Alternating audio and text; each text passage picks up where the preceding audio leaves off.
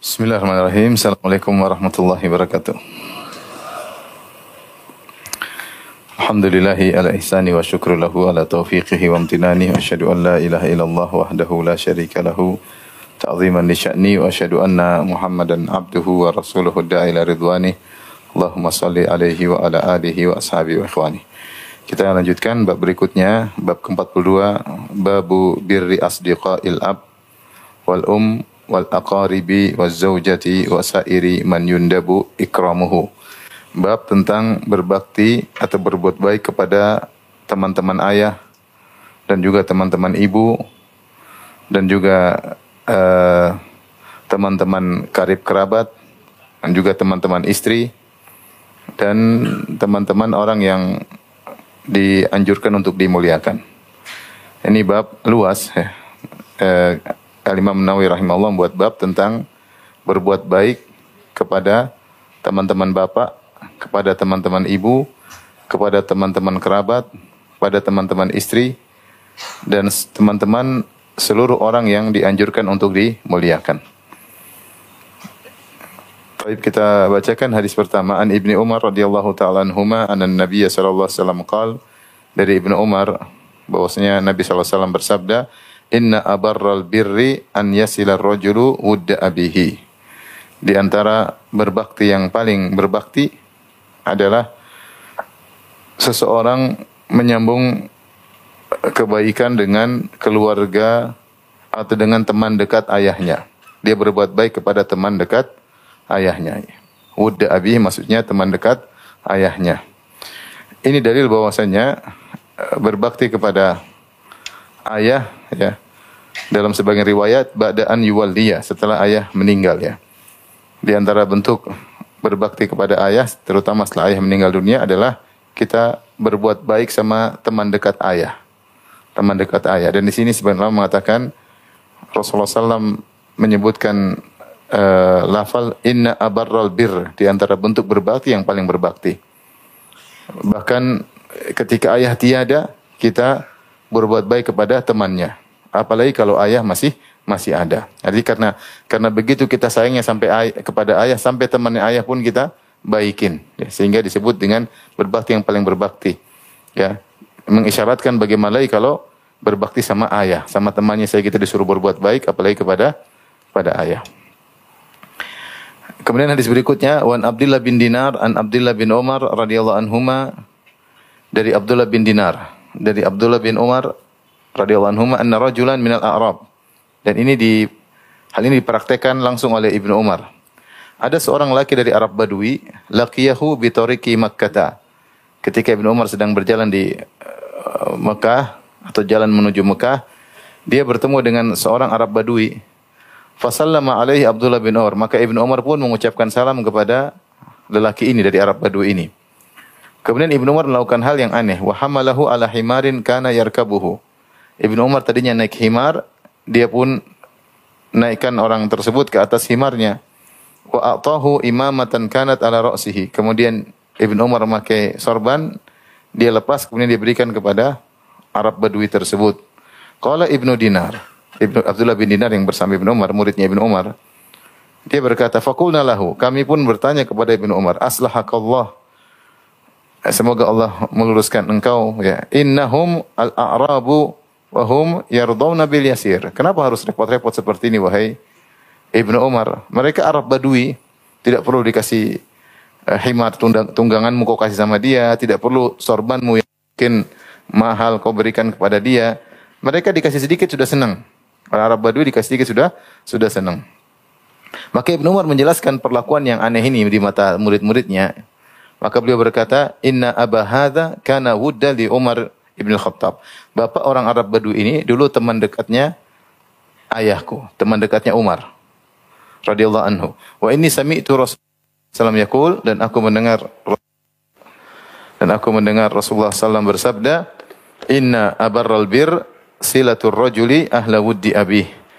Di antara eh, bentuk berbakti yang paling berbakti adalah seorang menyambung silaturahmi dengan keluarga teman dekat ayahnya. Keluarga teman dekat apa? Ayahnya. Kalau hadis pertama tadi di antara bentuk berbakti kepada ayah adalah menyambung kebaikan kepada teman dekat ayah. Ini lebih lagi menyambung kebaikan kepada keluarga teman dekat apa? Ayah.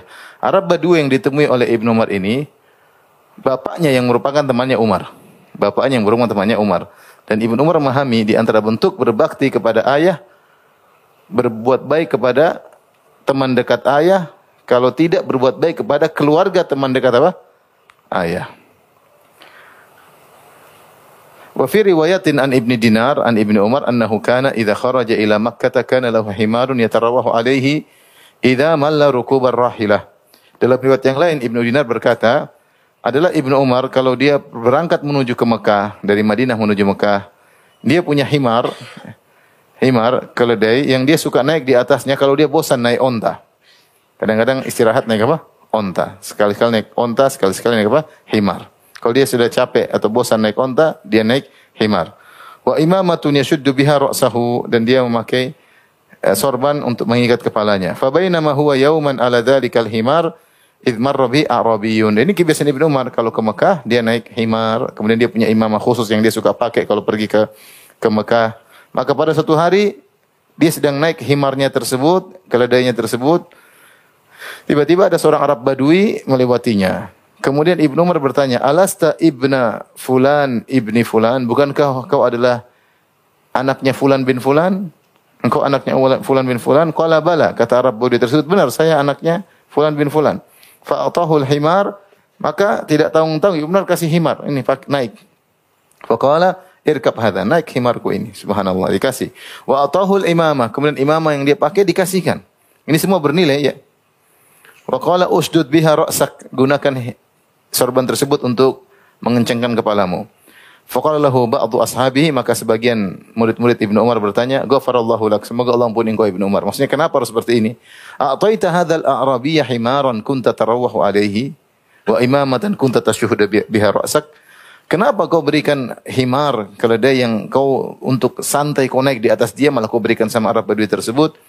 dan sorban khususmu spesialas sorban sorban spesialmu yang kau gunakan untuk pergi ke Mekah kau berikan kepada orang tersebut yang sorban tersebut kau gunakan untuk mengikat kepalamu maka Ibnu Umar menjelaskan sikapnya yang di luar nalar mereka kata Ibnu Umar Inni sami'tu Rasulullah sallallahu alaihi wasallam yaqul aku mendengar Rasulullah SAW bersabda inna min abarril bir an yasila rajulu ahla wuddi abihi ba'da an yuwalliya Sungguhnya di antara bentuk berbakti kepada ayah adalah seorang menyambung kebaikan kepada keluarga teman dekat ayahnya setelah ayahnya meninggal dunia. Setelah ayahnya meninggal dunia. Jadi antara bentuk kita berbakti sama ayah kita, ayah kita sudah meninggal, kalau dulu ayah punya teman, kita baikin teman ayah kita. Kalau ternyata teman ayah kita juga sudah meninggal, dia punya punya anak, kita baikin apa? anak. Ya, karena biasanya kalau ayah kita meninggal, temannya juga ikut meninggal.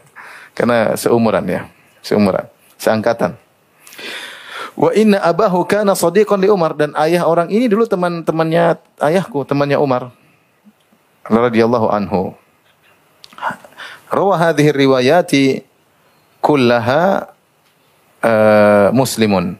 Semua riwayat ini diriwayatkan oleh Imam Imam Muslim. Ya.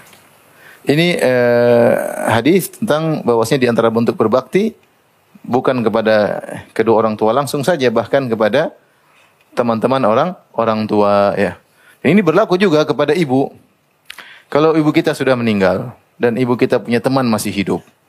Kita datangi temannya tersebut. Kita dulu teman dekat ibu, dulu ibu suka curhat sama dia, sering jalan bareng ke mana-mana sama ibu. Ibu sudah meninggal, dia punya teman dekat, kita datangi teman dekat tersebut, kita nyambung kebaikan kepada temannya tersebut. Dia bukan rahim kita, tapi kita nyambung apa?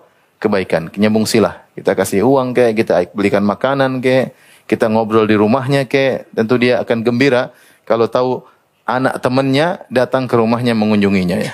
Lagi orang tua orang tua mulai sedikit temannya, eh, teman-teman sudah mulai meninggal, tiba-tiba ada anak temannya datang ingat dia, dia akan merasakan kebahagiaan yang luar biasa. Seandainya ibu kita masih hidup, dia tentu akan akan senang. Seandainya ayah kita masih hidup, tentu dia akan apa? Akan senang karena dia bangga anaknya baikin temannya, ya. Anaknya baikin apa? Temannya. Oleh karenanya jangan lupa kalau orang tua kita sudah meninggal dan dia punya teman masih hidup, berbuat baik sama teman orang tua kita tersebut. Kalau teman orang tua kita tersebut juga sudah meninggal, maka cari anaknya. Sebagaimana Ibnu Umar berbuat baik kepada Arab Badui tadi, karena bapak Arab Badui ini adalah temannya Umar bin Khattab radhiyallahu taala anhu. Dan ini dalil juga bagaimana para sahabat semangat untuk menjalankan hadis Nabi sallallahu alaihi wasallam. Ibnu Umar mendengar Nabi menyampaikan hadis dan dia terapkan. Dan dia tidak tanggung-tanggung menerapkannya. Oh, himar yang itu merupakan hewan kesukaannya. Kalau dia dan dia selalu ke Mekah naik himar tersebut. Kita kalau perjalanan jauh pilih hewan yang kita senang enggak? Dia pilih hewan, pilih kendaraan yang kita senang enggak? Iya, pilih. pilih kendaraan, eh, pilih kendaraan tunggangan ya kendaraan yang kita suka safar jauh ya. Ibnu Umar punya himar mungkin himar, himar andalan yang suka dia tunggangin kalau pergi ke ke Mekah ya dia pilih himar ini sekali-sekali tinggalkan onta naik ini dan dia punya sorban spesial yang dia sering pakai kalau sedang pergi ke ke Mekah ternyata dia berikan kedua-duanya kepada Arab Badui tadi padahal Arab Badui tadi seandainya yardona bil yasir kalau dikasih sedikit sudah senang. Dikasih sedikit sudah senang. Enggak usah kasih himar, kasih uang sedikit dia sudah senang. Tapi Ibnu Umar ingin berbakti dengan sebakti-baktinya, maka dia berikan barang-barang yang dia sukai kepada Arab Badui, Badui tadi dalam rangka menjalankan sabda Nabi sallallahu alaihi wasallam. Taib, uh, kita lanjutkan. Hadis berikutnya wan Abi Usaid bidhammil hamzah wa fathis Abi Usaid Malik bin Rabi'ah As-Sa'idi radhiyallahu anhu qala Sahabat ini yaitu Malik bin Rabi'ah As-Sa'idi radhiyallahu anhu beliau berkata, "Baina nahnu julusun inda Rasulillah." Ketika kami sedang duduk bersama Nabi sallallahu alaihi wasallam, idz ja'ahu rajulun min Bani Salamah atau min Bani Salimah. Tiba-tiba ada seorang laki, lelaki dari Bani Salimah dari suku Bani Salimah datang menemui Nabi sallallahu alaihi wasallam. Faqala kemudian dia berkata, "Ya Rasulullah, wahai Rasulullah, Hal baqiya min birri abawayya syai'un abarruha abarruhuma bihi ba'da mautihima? Adakah amalan tersisa yang aku bisa lakukan untuk berbakti kepada kedua orang tuaku setelah kedua orang tuaku meninggal dunia? Saya masih bisa lakukan apa untuk berbakti kepada kedua orang tuaku jika kedua orang tuaku telah meninggal meninggal dunia? Ini pertanyaan yang penting bagi kita semua, terutama eh, sebagian kita banyak orang tuanya sudah meninggal, entah ayahnya, entah ibunya, entah kedua-duanya ya. Apakah berbakti terputus? Jawabannya masih berlanjut. Maka dia bertanya, dia ingin berbakti tapi orang sudah meninggal dunia, apakah masih bisa kita melakukan amal untuk berbakti kepada orang tua setelah mereka meninggal dunia? Faqala kata Nabi SAW, "Na'am ada." Apa saja Nabi sebutkan? As-salatu alaihima. As-salatu alaihima maksudnya mendoakan keduanya. Wal istighfaru lahuma. Yang kedua, mohon ampunan bagi mereka berdua. Yang ketiga wa infadhu ahdihima min ba'dihima. Menunaikan janji mereka berdua atau wasiat mereka berdua setelah mereka berdua meninggal dunia. Yang keempat wasilatul rahim allati la tusalu illa bihima. Menyambung silaturahim yang rahim-rahim tersebut melalui jalur keduanya. Yang keenam ikramu sadiqihima, memuliakan teman kedua orang tua.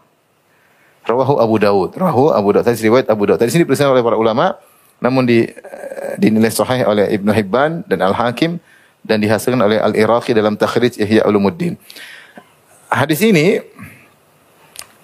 uh, pertanyaan ditujukan kepada Nabi sallallahu alaihi wasallam tentang berbakti kepada kedua orang tua setelah meninggal dunia. Apa cara-caranya? Rasulullah SAW menyebutkan di antaranya yang pertama paling penting adalah mendoakan keduanya. Selalu mendoakan apa? Keduanya. Mendoakan banyak kita doakan, doakan agar uh, apa namanya dilapangkan kuburannya, diberikan cahaya kuburannya, kuburannya semoga menjadi taman-taman surga ya. Kemudian ringankan hisapnya, misalnya dimudahkan untuk melewati sirat, dimasukkan dalam surga, ditinggikan derajatnya jadi surga. Ini doa-doa kebaikan bagi orang orang tua, mendoakan kedua. Jadi ini adalah amalan yang paling mudah yang dilakukan oleh seseorang untuk orang tuanya jika sudah meninggal dunia. Makanya Rasulullah SAW sebutkan, Idza matal insan in qata anhu amalu illa min salas. Jika seorang meninggal dunia terputus amalannya kecuali tiga. Sedekahun jariyah, sedekah jariyah, ilmu yang bihi, ilmu yang bermanfaat, waladun salihun yad'u anak soleh yang mendoakannya. Dan di antara ciri anak soleh, sering saya sampaikan, ciri anak soleh adalah kan mendoakan kedua orang tuanya. ya Sering mendoakan kedua orang tuanya. Jika anda merasa soleh, hendaknya anda sering mendoakan kedua orang tua. Jangan sampai hari-hari lewat kita tidak mendoakan kedua orang tua. Kalau bisa setiap sholat kita doakan orang orang tua. Kalau kita doakan orang tua setiap sholat, kita berbakti sama orang tua sehingga kita dapat pahala. Entah ketika sujud, entah ketika tasyahud sebelum salam, ya. Intinya kita doakan orang orang tua. Yang pertama as-salatu alaihima. Mendoakan orang tua merupakan bentuk berbakti kepada kedua orang tua. Berarti kalau kita mendoakan orang tua, siapa yang pertama diuntungkan kita? Karena kita dapat pahala. Pahala berbakti kepada kedua orang tua. Yang kedua diuntungkan orang tua. Siapa tahu doa kita dikabulkan. Sehingga seandainya orang tua kita uh, punya dosa-dosa dikurangi oleh Allah Subhanahu wa taala. Seandainya dia melakukan dosa besar dan sedang disiksa di adab kubur, mudah-mudahan diringankan. Kalau dia ternyata tidak punya dosa, diangkat derajatnya. Kemudian yang kedua, al-istighfaru lahuma. Mohon ampunan bagi keduanya. Ini lebih spesifik daripada doa. Kalau doa umum, doa kebaikan. Kemudian Rasulullah SAW khususkan. Di antara doa yang paling penting bagi orang tua adalah memohon ampunan bagi mereka berdua. Dan kita baca Rabbi gufirli wali walidayya warhamhuma kama rabbayani saghira. Ini di antara mohon ampunan kepada kedua orang tua. Dalam satu hadis inna rajula la tarfa'u darajatuhu fil jannah faqala anna li hadha. Ada seorang diangkat derajatnya di surga. Maka dia heran. Dia tahu amalannya tidak cukup untuk membuat dia naik derajat tersebut. Maka dia bertanya, "Kok bisa derajat saya naik di surga?" Maka kata Allah Subhanahu wa taala bistighfari waladika laka karena anakmu sering mohon ampunan buatmu. Karena anakmu sering mohon ampunan buat buatmu. Jadi kita sering mendoakan orang tua, saya ulang lagi, mohon ampunan juga. Kalau orang tua kita punya dosa-dosa besar, mudah-mudahan di, diampuni oleh Allah Subhanahu wa taala. Kalau dia sedang disiksa, waliyadzubillah, kita nggak tahu kondisi orang tua yang siksa azab kubur akan dikurangi. Seandainya dia tidak disiksa dan tidak dosa, dia orang soleh ternyata, tetap kita mohon ampunan dan diangkat di derajat, diangkat apa derajatnya. Sama seperti Rasulullah SAW bersabda, Al-umratu ilal umratu kafaratun lima bainahum. Umrah yang satu dan umrah yang lain mengangkat menghilangkan dosa-dosa di antara keduanya. Taruhlah seorang sebelum umrah dia sudah tidak punya dosa. Ustaz ngapain saya umrah lagi? Dosa sudah tidak ada. Misalnya. Kalau kamu tidak punya dosa, derajatmu akan di, diangkat. Dan itu pun tidak mungkin karena kita pasti punya dosa. Tapi taruhlah seorang tidak punya dosa atau umrah yang dia lakukan potensi untuk menghilangkan dosa sangat kuat sementara dosanya sedikit, maka dosanya diampuni dan derajatnya di diang diangkat. Jadi tidak ada ruginya kita mohon ampunan buat kedua orang tua apakah mereka orang soleh maupun orang toleh. Apakah mereka orang baik ataupun orang tidak tidak baik. Yang kedua, doakan kedua orang tua. Yang ketiga, infadu ahdihima min ba'dihima. Menunaikan janji mereka setelah mereka meninggal dunia. Mungkin mereka ketika masih hidup punya wasiat. Kalau bisa kita kerjakan, kita kerjakan. Mungkin ketika mereka masih hidup, mereka berjanji sama seorang, saya akan umrohkan kamu, saya akan ini. Uh, terutama kalau mereka pesan, nak saya pernah janji sama orang, tolong kalau ayah sudah tidak ada, tunaikan janji ayah. Kalau kita tahu ayah pernah janji sama orang, kita tunaikan. Ini tentu kalau kita mampu. Kalau kita nggak mampu di luar kemampuan ya tidak wajib. Tapi kalau kita mampu, kita uh, apa namanya tunaikan eh, janji kedua orang tua. Termasuk di antaranya kalau orang tua punya hutang dan kita mampu untuk melunasinya, maka itu bentuk berbakti kepada kedua orang tua. Ya. Kalau mereka masih hidup punya hutang kita lunasi dapat pahala atau tidak? Dapat pahala. Teman kita saja kalau punya hutang kita lunasi kita dapat pahala besar, apalagi yang berhutang orang tua sendiri ya. Apalagi ketika mereka sudah meninggal dunia. Kemudian wasilaturrahim allati la bihima. Yang keempat menyambung silaturahmi yang tidak bisa tersambung kecuali melewati mereka berdua. Kita hidup atau di, di atas muka bumi ini diciptakan melalui perantara ayah dan ibu. Kita bukan seperti Nabi Adam alaihissalam diciptakan langsung ada tanpa ayah tanpa ibu. Kalau Nabi Adam langsung ada, dia tidak punya kerabat ketika itu, dia sendirian. Dia, dia sendirian, dia tidak punya, tidak punya ibu. Kemudian Hawa diciptakan dari dirinya. Baru kemudian dia punya punya anak. Alaihissalam. Tapi kita kita lahir melalui ayah dan ibu. Karena kita punya ayah, kita punya ibu, maka kita punya rahim dari sisi ayah, kita punya rahim dari sisi ibu. Rahim dari sisi ayah seperti kakek, nenek dari ayah, kemudian tante om dari ayah, ya. Kemudian juga anak-anak tante dan om ponakan sepupu-sepupu juga dari apa? Ayah. Ini semua kerabat dari ayah. Uh, kemudian juga kita punya saudara kandung atau saudara seayah ya. Dari ibu juga kita punya kerabat dari ibu, rahim dari ibu seperti kakek nenek dari ibu, kemudian bibi paman dari ibu, kemudian sepupu-sepupu kita atau ponakan-ponakan ibu ya. mungkin ada saudara seibu. Ini semua rahim-rahim kalau kita sambung, meskipun orang tua kita sudah meninggal dunia, kita dianggap berbakti kepada mereka. Jadi kalau misalnya ibu kita sudah meninggal, kita pergi ke kakaknya ibu, kita pergi ke adiknya ibu, kita memberi sesuatu, kita kasih bantuan atau kita kasih kue, seakan-akan kita berbakti kepada ibu. Karena ibu sudah meninggal dunia. Ini dianggap oleh Nabi bentuk berbakti kepada orang.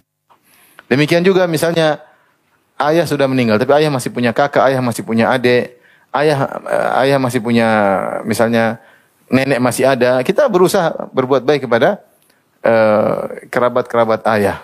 Ayah sudah meninggal, seakan-akan kita berbakti kepada kepada ayah. Ini menunjukkan bahwasanya pintu bakti terbuka bahkan setelah kedua orang tua meninggal dunia. Yang terakhir yang kelima, wa ikramu sadiqihima. Di antara bentuk berbakti kepada kedua orang tua setelah mereka meninggal dunia adalah memuliakan teman-teman kedua orang tua. Siapa teman-teman mereka dulu teman dekatnya, sering ngobrol bareng, sering curhat, sering jalan bareng, maka kita berbuat baik kepada teman-teman ayah maupun teman-teman teman-teman ibu. Dan ikhwan dan akhwat dirahmati Allah Subhanahu wa taala, ketahuilah berbakti kepada kedua orang tua setelah mereka meninggal dunia sangat penting. Kenapa sangat penting? Pertama, mungkin ketika kita masih hidup, bakti kita kepada kedua orang tua kurang. Ini sangat kemungkinan besar. Mungkin kita belum ngaji, mungkin kita belum punya, belum sukses, sehingga bakti kita kepada kedua orang tua kita masih kurang ketika mereka masih hidup. Kita masih perhitungan, masih pelit sama orang tua, bisa jadi di antara kita ada yang durhaka kepada kedua orang tua ketika semasa hidup. Nah, kita bisa memperbaiki diri kita, tetap berbakti kepada mereka setelah mereka meninggal apa? Dunia. Ini yang pertama. Yang kedua, kenapa perlu kita berbakti kepada orang tua setelah meninggal dunia? Karena kita sendiri pahala. Kita sendiri butuh apa? Pahala. Karena pahala berbakti kepada orang tua pahalanya besar. Ternyata pintu bakti tersebut tidak tertutup meskipun mereka berdua sudah meninggal dunia. Maka kita berusaha mencari pahala tersebut ya skala prioritas. Masih bisa berbakti, berbakti terus. Kemudian yang ketiga, kenapa kita perlu berbakti kepada orang tua setelah mereka uh, meninggal dunia? Karena kebutuhan mereka untuk dibakti setelah meninggal lebih besar daripada ketika mereka masih hidup. Karena mereka masih hidup, mungkin mereka, sebagian mereka masih bisa menjalankan aktivitas sendiri, masih bisa.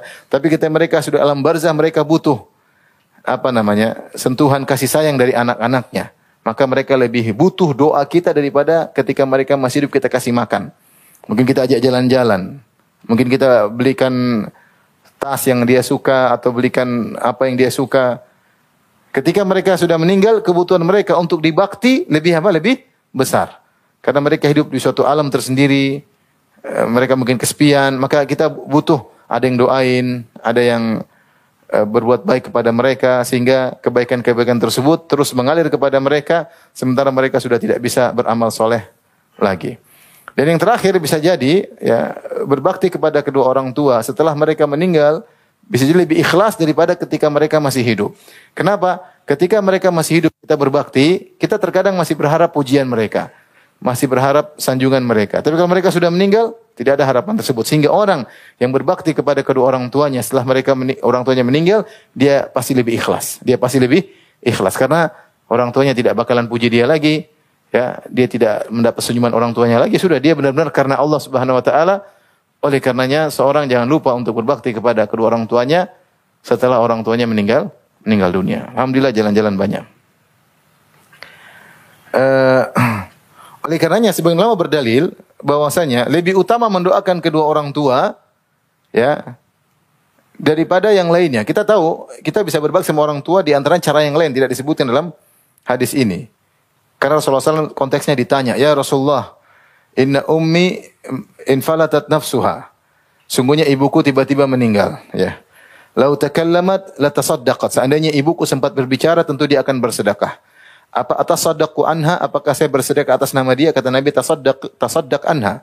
Bersedekahlah atas nama ibu. Sehingga dijadikan oleh para ulama bahwasanya bersedekah atas nama ibu pahalanya sampai kepada apa? Bukan pahalanya sampai kita bersedekah atas nama ibu. Pahalanya memang buat siapa? Buat ibu. Ini bukan kirim pahala, bukan.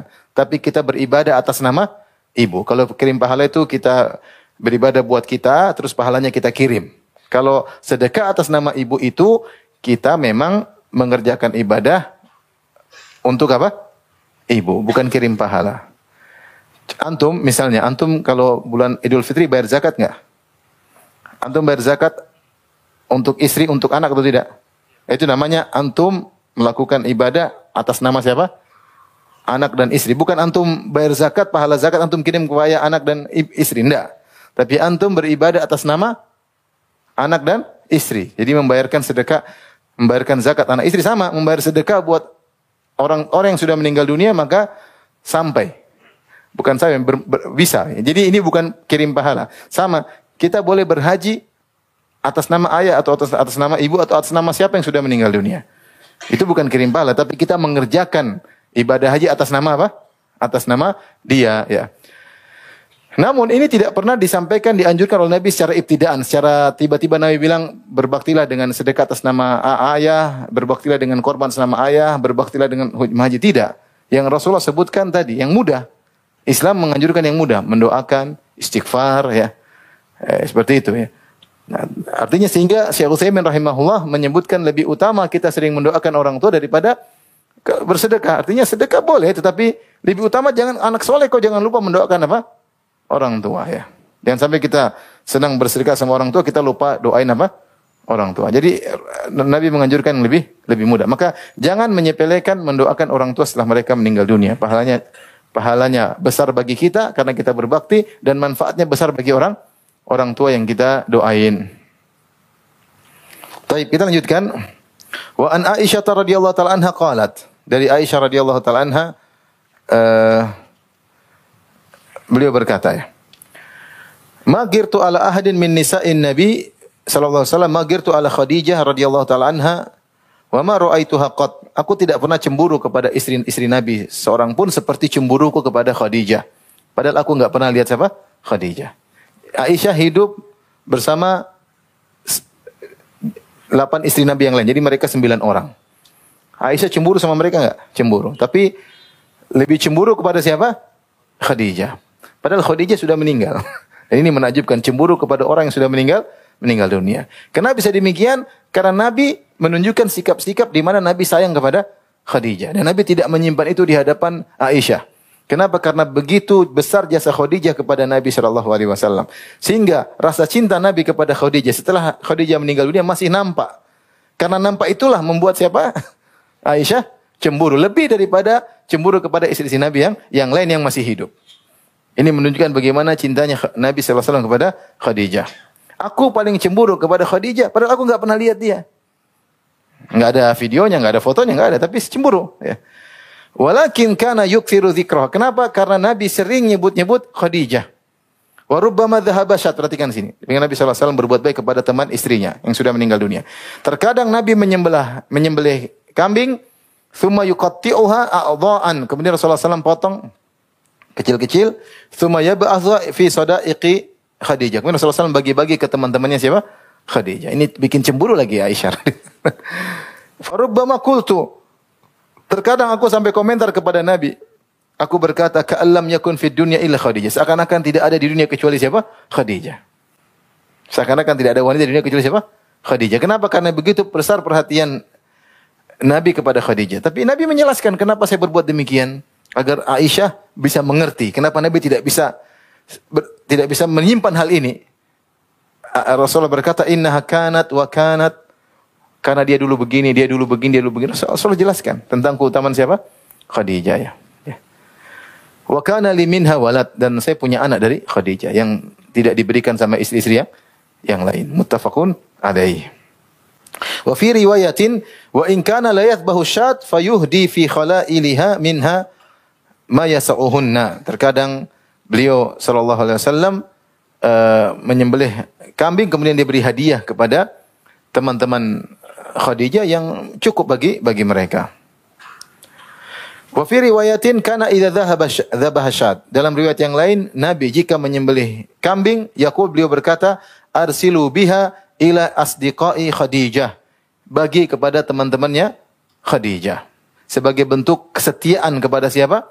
Khadijah. Sudah meninggal tapi Rasulullah SAW tetap setia kepada Khadijah. Di antara bentuk dia ber, berbuat baik kepada istrinya Khadijah adalah dia menyenangkan teman-temannya istrinya. Jadi subhanallah, Imam Nawawi melihat hal ini, dia melihat bahwasanya berbuat baik kepada orang sudah meninggal. Kalau ayah berbuat baik sama teman ayah. Kalau ibu berbuat baik sama teman apa? Ibu. Kalau kerabat berbuat sama teman kerabat. Kalau istri berbuat baik sama teman apa? Istri ya. Wa fi riwayatin dalam riwayat yang lain ya. Qalat ista'dhanat Halatu bintu Khuwailid ukhtu Khadijah ala Rasulillah sallallahu alaihi wasallam.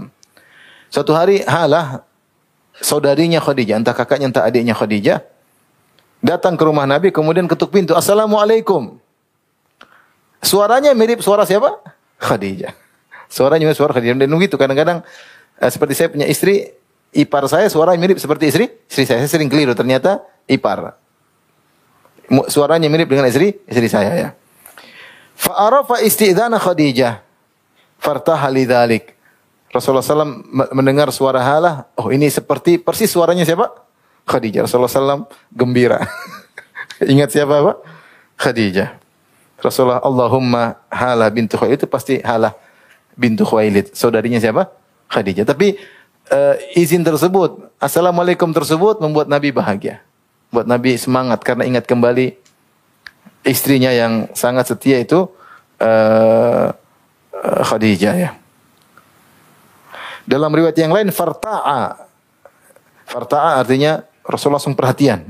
Nah, itu itu pasti saudarinya Khadijah. Dan ini eh, dijadikan dalil oleh oleh Nawawi Nawawi rahimahullah taala Rasulullah berbuat baik kepada saudarinya siapa? Khadijah setelah Khadijah meninggal meninggal dunia. Ini Rasulullah SAW begitu perhatian kepada uh, istrinya uh, Khadijah radhiyallahu taala dan beliau mengatakan innaha kanat innaha kanat. Dia dulu begini dia dulu begini dia dulu begini. Dia sebutkan kepada uh, Aisyah radhiyallahu taala anha.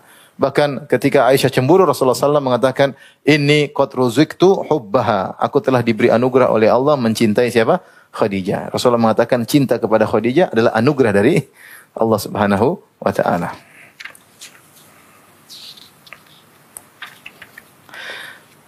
Sebagian orang mencintai wanita lain musibah. Cinta kepada kamu musibah. Bukan anugerah. bikin masalah, bikin masalah, tapi cinta mau diapain? Cinta mencintaimu adalah apa?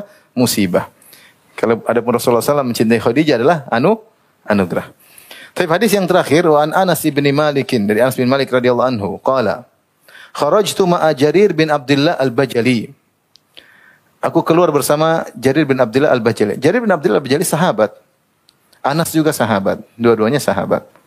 Radiyallahu anhu fi safarin dalam satu safar. Fakana yakhdumuni. Ya, tapi Jarir bin Jarir bin Abdullah Al-Bajali masuk Islam belakangan. Dan dia berkhidmat kepada Anas bin Malik ketika safar. Ingin cari pahala, ingin cari pahala dengan berkhidmat kepada kepada Anas bin Malik radhiyallahu anhu. Sebagian ulama seperti itu. Kalau saya tidak salah ingat, Syekh Abdurrahman bin Nasir As-Sa'di, gurunya Syekh Saleh Al-Utsaimin, Muhammad bin Shalih Al-Utsaimin rahimahullah taala, di antara sifatnya kalau dia bersafar, dia dijadikan amir karena dia ulama. Ketika dia jadi amir, dia bilang, saya jadi amir, ikut perintah saya. Saya jadi pelayan kalian. ya. Mereka tidak bisa nolak karena dia yang jadi apa? Amir. Tapi amir menjadi apa? Pelah? Pelayan. Kenapa? Ingin cari pahala dengan menjadi pelayan ketika sedang bersafar. Dan itu juga dilakukan oleh Syekh uh, Muhammad Ayub. Muhammad Ayub rahimahullah Imam Masjid Nabawi. Saya diceritakan langsung oleh Syekh Soleh Sindi. Uh, Syekh Soleh Sindi Hafizullah mengatakan, saya sering bersafar dengan beliau. Padahal beliau paling tua. Tapi kalau sudah safar, beliau yang siapin iftar, makanan, beliau yang masak, beliau yang tuangin apa minuman kepada kami. Padahal kami muda-muda. Ya. Jadi cari pahala dengan berkhidmat ketika apa? Safar. Itu di antara ibadah, yaitu berkhidmat bagi orang-orang yang sedang bersafar membantu mereka yang dalam apa uh, kesulitan ya. Oleh karenanya uh, dahulu ada Ummu Salamah ya kalau nggak salah Ummu Salamah bin Umayyah. Ayahnya ayahnya Ummu Salamah dikenal dengan Zadur Raqab Zadu Ar-Raqab ya. Dia dikenal sebagai bekal musafirin julukannya bekal musafirin Kenapa? Kalau dia bersafar dengan siapa pun, semua makanan dia yang tanggung. Enak kalau punya teman seperti ini. Safar sama saya, semua tanggung. Tiket ditanggung, makan ditanggung, hotel ditanggung. Top. mencari pahala dengan berkhidmat kepada musafirin. Jadi cari pahala dalam segala kondisi kalau bisa dapat pahala pahala. Sebenarnya orang seperti itu sudah tenang. Kalau dia kita sabar sama dia, saya yang tanggung. Sudah semua apa namanya kalau kita keluar uang, oh ini uang tidak berlaku di sini. Yang berlaku uang ini katanya. Jadi eh, cara untuk mencari pahala. Kita cari pahala kapan saja ada kesempatan. Di antaranya ketika sedang bersafar dengan berkhidmat kepada orang-orang yang bersafar. Di antaranya Jarir bin Abdullah Al-Bajali rahimahullah berkhidmat kepada Anas bin Malik. Anas bin Malik pembantu Nabi sallallahu alaihi wasallam, khadim Rasulullah Abu Hamzah radhiyallahu taala anhu. Dan Jarir bin Abdullah juga sahabat, tapi dia berkhidmat kepada Anas. Fakultu lahu la taf'al. Aku tidak mau. Dia bilang, jangan kau lakukan. Saya enggak perlu khidmat darimu. Tidak perlu. Ya. Qala inni qad ra'aitul ansar tasna'u bi Rasulillah syai'an alaitu ala nafsi alla ashaba ahadan minhum illa khadamtuhu. Ya. Uh, kata kata beliau dia menjelaskan kenapa saya berkhidmat kepada kamu karena saya cinta kepada Nabi. Di antara bentuk saya berbuat baik kepada Nabi adalah berkhidmat kepada sahabat-sahabat siapa? Nabi. Apa kata beliau? Ketika ditegur oleh Anas, jangan kau lakukan. Dia mengatakan, sungguhnya aku melihat kaum Ansar telah berbuat baik kepada Rasulullah SAW, melakukan sesuatu, kebaikan kepada Nabi. Maka aku bersumpah pada diriku, tidaklah aku menemani seorang pun dari kaum Ansar, kecuali aku akan berkhidmat kepada kepada kaum Ansar. Siapa pun orang kaum Ansar yang aku temani, aku akan jadi pembantunya, dalam perjalanan tersebut. Di antaranya kau adalah Anas bin bin Malik radhiyallahu taala. Ini juga di antara dalil tadi yang disebutkan oleh Imam Nawawi di antara judul bab dia mengatakan babu birri asdiqail ab wal um wal aqarib waz zauja wa sairi man yundabu ikramuhu. Bab tentang berbuat baik kepada teman-teman ayah, teman-teman ibu, teman-teman kerabat, teman-teman istri tadi Nabi terhadap teman Khadijah dan juga teman-teman semua orang yang dianjurkan untuk dimuliakan. Dan, dan di antara yang sangat dimuliakan adalah siapa? Nabi Muhammad sallallahu alaihi wasallam. Disyariatkan kita untuk memuliakan Nabi sallallahu alaihi wasallam. Nah, kalau dia punya teman, kita berbuat baik kepada teman. Ada orang yang disyariatkan untuk kita muliakan. Kalau dia punya teman, kita muliakan temannya. Karena dia. Karena dia. Karena dia orang dianjurkan dimuliakan. Ini temannya dia, maka kita muliakan apa? Temannya. Dan ini dijadi eh, dalil oleh Imam Nawawi dengan bukti Jarir bin Abdullah yang berkhidmat kepada Anas bin Malik karena Anas bin Malik radhiyallahu anhu sering berkhidmat kepada Rasulullah sallallahu alaihi wasallam. Inilah ikhwan dan akhwat yang rahmatillah subhanahu wa taala uh, apa yang bisa kita sampaikan pada kesempatan kali ini ya uh, yang menunjukkan bahwasanya berbakti uh, ter terkadang tidak hanya terbatas pada orangnya langsung. Terlebih kalau orang yang sudah meninggal dunia ternyata masih bisa kepada teman-teman orang tersebut, teman ayah, teman uh, ibu, teman kerabat dan yang lainnya. Wallahu taala alam uh, bisawab. Tapi demikian saja yang sampaikan. Uh, insyaallah kita lanjutkan pada kesempatan yang lain. Subhanakallah bihamdik asyhadu alla ilaha anta astaghfiruka wa atubu. Assalamualaikum warahmatullahi wabarakatuh.